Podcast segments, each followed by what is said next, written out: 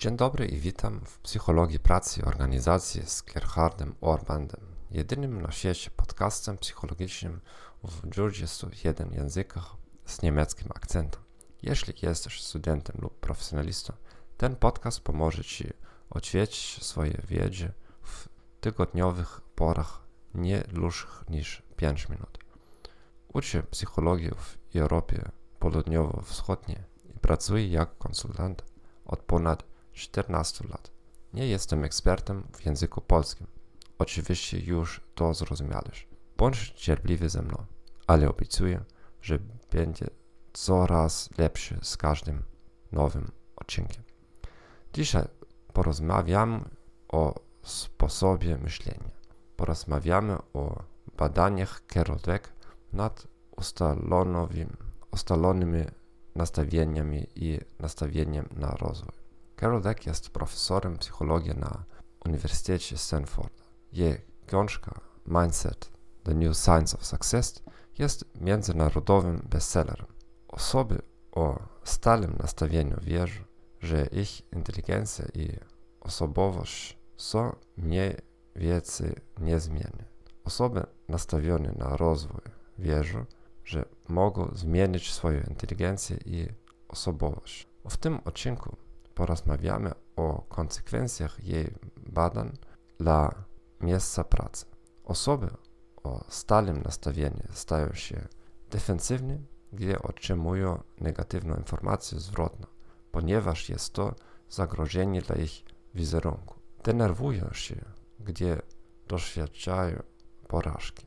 Obwiniają okoliczności grupy klienci, grupy przyłożone lub grupy współpracownicy lub ich brak umiejętności. Jestem sam grupy. Unikają sytuacji związanych z nauką, ponieważ mogą zawieść i wyglądać, wyglądać grupy. Podczas studiów na Uniwersytecie w Hongkongu studenci pierwszego roku o stałym nastawieniu nie chcieli brać udziału w kursach języka angielskiego, mimo że mieli braki w języku angielskim. Jednocześnie angielski był kluczowym elementem ich sukcesu na uniwersytecie, a później w życiu zawodowym. Pracownicy o stałym nastawieniu mogą unikać szkoleń, które oferuje ich firma. Skupiają się na pokazaniu wszystkim, jak są inteligentni i unikają rozwijania nowych umiejętności.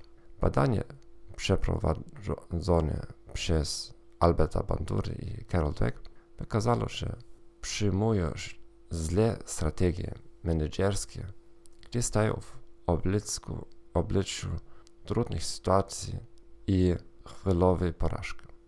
Trudno jest dostrzec, dostrzec różnice między pracownikami o stałym nastawieniu, a tymi o nastawieniu na rozwój.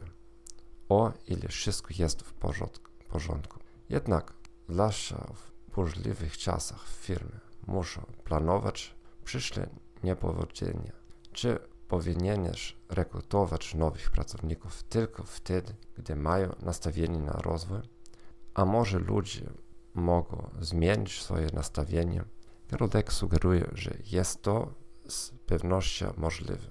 Wymaga to jednak nie tylko wysiłku i dobrych strategii, ale przede wszystkim chęci samego pracownika. Dziękuję za wsparcie podcastu.